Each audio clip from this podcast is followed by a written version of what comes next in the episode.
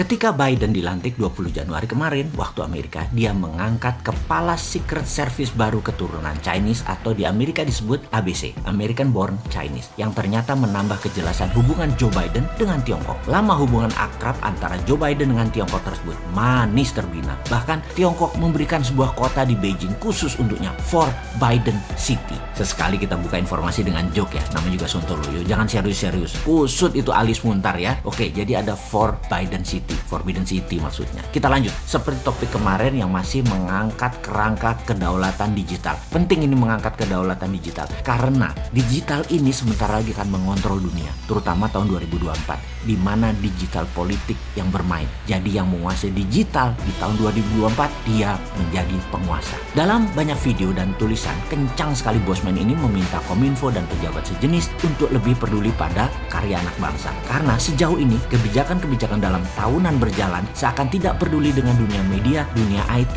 dan dunia digital karya anak bangsa. Jadi terkadang rakyat harus mengurut dada karena memang sulit ya kalau pejabat tidak paham bela negara. Begini saya cerita ulang cara membangun bisnis karya anak bangsa versi Mardi Gunomik. Kekuatannya ada di swasta. Lupakan membangun ala Tiongkok yang menggunakan kekuatan BUMN. BUMN Tiongkok itu yang punya PKC, Partai Komunis Cina, bukan negara Cina yang punya BUMN. Jadi mudah ngelolanya. Kalau sekarang yang punya negara rumit sekali.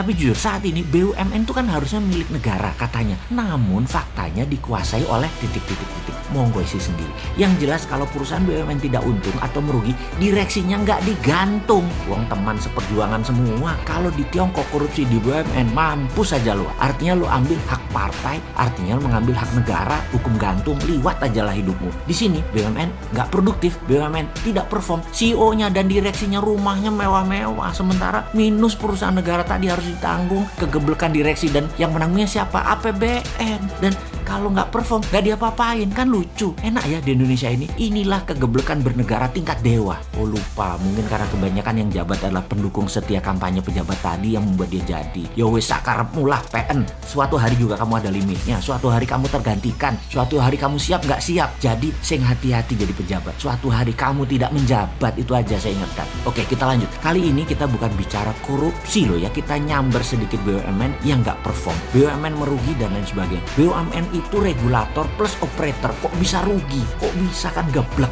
Makanya kalau lu di swasta sudah ditolol-tololin sama pemegang saham sudah dipecat dan dipermalukan. Kalau di BUMN dimaki-maki rakyat. Eh dibilang rakyatnya anti pemerintah. Wih enak bener jadi pejabat. Dilindungi buzzer penggiring opini. Ya bahagialah hidupmu sekarang. Mau bukti lagi kalau BUMN banyak yang rugi? Banyaklah di media mainstream. Lalu cek di Wikipedia apa saja bisnis mereka. Lalu lihat daftar nama direksinya dan lihat juga apa yang mereka kerjakan di BUMN tersebut tidak ada hanya sapi perah buat mengumpulkan kekayaan pribadi dan kelompoknya. Jangan-jangan kelompoknya yang menggunakan fasilitas negara. Kalimat terakhir saya ini asli provokator. Maaf ya, saya berbicara berdasarkan kekesalan pribadi atas kinerja banyaknya BUMN yang merugi. Sekali lagi, sempatkan cek di mbah Google, di Wikipedia perusahaan tadi plus anak cucunya BUMN yang induk itu hanya jadi pemeras susu negara untuk kepentingan sekelompok. Percaya saya. Ya, itu aja ya. Oke, satu lagi.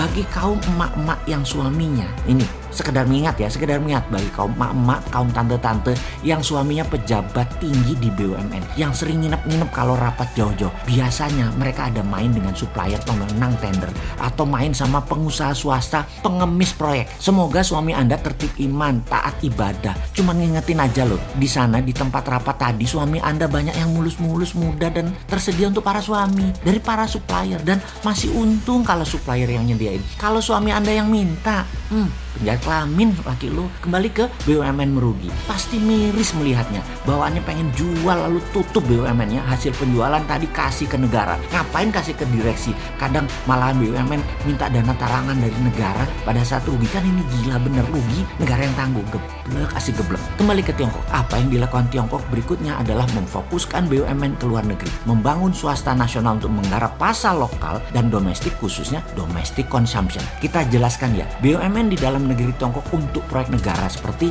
infrastruktur statis, jembatan, jalan raya, dam, waduk, pengairan, power plant, jaringan distribusi listrik, infrastruktur dinamis, kereta api, bus, pabrik mineral, manufaktur, industri pertahanan, alat perang, dan lain sebagainya. Yang kalau swasta bangun, lama balik modalnya, bahkan dalam jangka panjang, swasta belum tentu untung. Lalu, BUMN Tiongkok adalah tool alat ekonomi soft power menaklukkan negara lain dengan operasi di luar negeri. BUMN dari Tiongkok salah satu war tool dalam kolonialisasi modern. Lalu Tiongkok kemudian membangun swasta namun tidak boleh mengendalikan lebih dari 70% pasar karena kena undang-undang monopoli seperti yang dituduhkan kepada Jack Ma saat ini.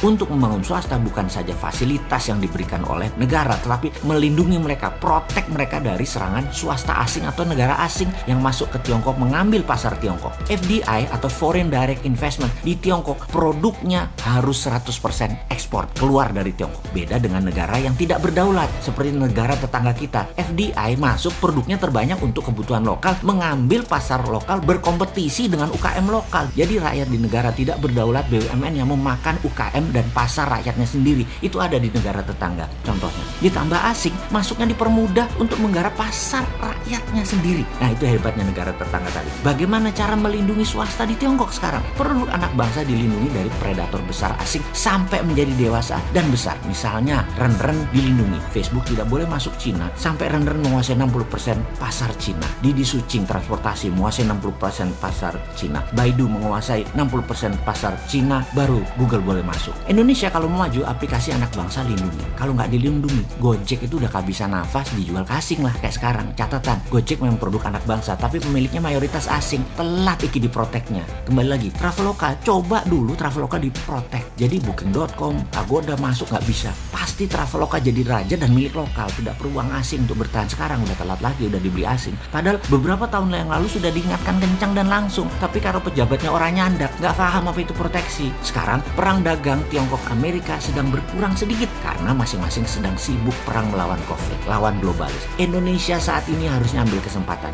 Anak bangsa buat fintechnya sendiri, buat Google-nya sendiri, buat WeChat-nya sendiri. Pastikan semua ini diprotek negara. Itu aja intinya. Pertanyaannya, berani nggak satu tahun ke depan anak-anak buat itu bisa cepet sampai akhir tahun 2021. Indonesia bisa menyiapkan semua itu sehingga ketika perang Amerika Tiongkok versi 2 berlanjut di tahun 2022-23 Indonesia tidak bergantung pada dua negara itu lagi. Bayangkan kalau Amerika nanti di bawah Biden perangnya pakai intelligent operation demi Amerika kendalikan dunia lalu mematikan sosmed, internet, satelit, strategi ini namanya battle space, penaklukan ruang udara. Apa yang terjadi? Indonesia tetap bisa dagang, tetap connect. Jadi walaupun itu terjadi penaklukan ruang udara Indonesia tetap bisa connect.